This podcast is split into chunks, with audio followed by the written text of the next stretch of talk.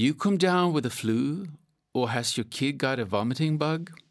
In today's episode of New in Sweden podcast, we'll be talking about what happens if you or your child gets sick and you need to stay home from work. My name is Per, and I work for Arbetsförmedlingen, the Swedish Public Employment Service. And my name is Adiam Sahaye. Welcome to today's episode. So, first things first, if you're bedbound with a fever, we hope you get well soon. Stock up on tissues and painkillers and make sure you get enough rest. Yes, absolutely.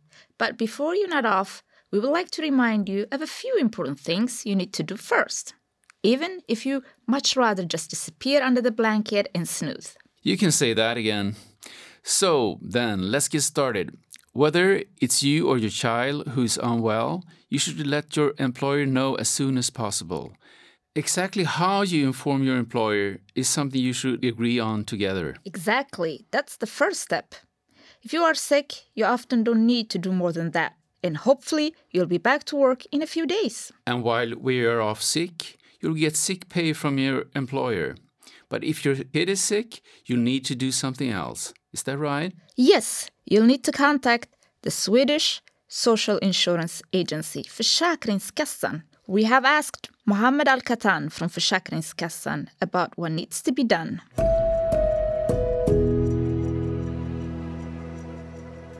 VAB, Vård av Barn, is the name of a benefit paid out to working parents when they need to stay at home to look after a sick child or accompany them to the doctor. You can apply for this benefit online or through our app. Our online application system is called Mina Sidor. Keep in mind that you need a medical certificate if your child is sick more than seven days. Kids get sick fairly often, so I must say I'm pretty familiar with that app. It's actually on the very first screen on my phone. Smart. More necessary, I would like to say. But now, let's talk about what happens if you're sick for more than a week. In that case, you need a doctor's certificate to keep getting sick pay. But if you're sick for more than 14 days, say you have a case of the flu you can't shake, or you have broken in your leg, or have a job that requires you walk a lot, what happens then? In that case, your employer needs to report your case to Försäkringskassan.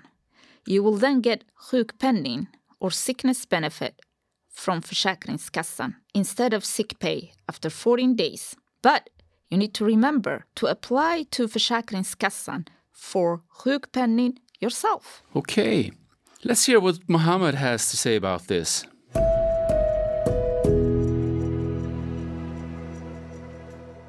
Your workplace will report this to us, and from day 15, you can apply for sick pay online through our website. When you fill out the online form, you will have to attach a medical certificate describing your illness, along with other details. If you are sick a much longer period, a personal case officer will get in touch with you to help you with your ongoing case. Sickness benefit is a temporary benefit that compensates for a loss of income until you can start work again. The length of time for which you can receive this benefit and how much you receive generally depends on how much your illness affects your ability to work. So, everything we've talked about so far sick pay from your employer, sjukpenning from Försäkringskassan, and so on this all applies to people who are in employment. If you are self employed, studying, unemployed, or participating in a program run through Arbetsförmedlingen, the rules might be slightly different.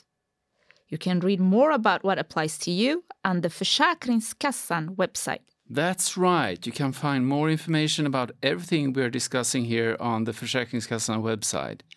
And of course, there are always exceptions, but we can't get into all of them here on the podcast. But there is one important thing we should mention here, and that's SGI. That stands for sjukpenningsgrundande inkomst, or sickness benefit qualifying income. SGI is an amount that determines how much money you get on compensation when you're sick, looking after a sick child, or on parental leave. Your SGI is based on your annual income. Could we make that a little clearer? Are you saying that I will get more sick pay if I earn a big salary than if I were on a lower wage? That my SGI comes down to my income? Is that right? That's correct. But what many don't realize, even people born and raised in Sweden, is that we need to look after our SGIs. Mohammed will explain why this is so important.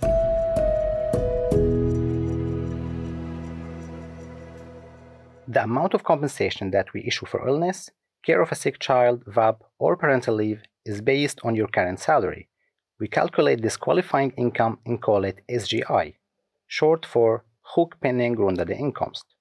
You are typically entitled to an SGI as long as you pay tax and work for a duration of at least six months. There is, however, a minimum and a maximum level for an SGI. In some cases, you can secure your SGI if you, for instance, no longer can work or get a lower salary. To retain your SGI, you have to be registered as an active job seeker at the Public Employment Service, Arbetsförmedlingen, from the first day of unemployment. So that's where we at Arbetsförmedlingen come into the picture. If you become unemployed, register as a job seeker from your very first day of unemployment and start looking for a new job. Otherwise, you will risk losing your SGI and your rights to benefit if you are sick, looking after a sick child, or on parental leave. That is super important. Absolutely. But with that said, I think it's time to start wrapping things up and say goodbye for now. I'm with you on that. But first, let's hear some final words from Mohammed about contacting Försäkringskassan.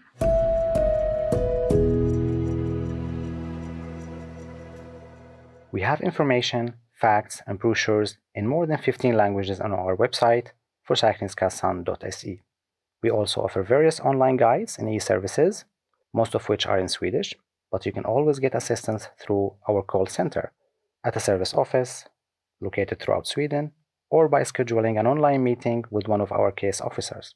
These meetings can also be set up in your preferred language. Great. Huge thanks to Mohammed Alkitam from Försäkringskassan and Adiam to keeping me company in the studio today. The pleasure is all mine, Par. And a big thanks to our listeners too.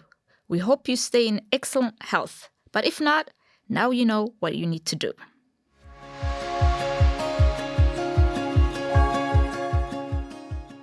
You have been listening to New in Sweden podcast by Arbetsförmedlingen.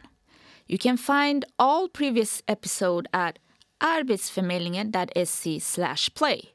Have you got any questions, tips or ideas? Please email us at podcast at arbetsförmedlingen.se.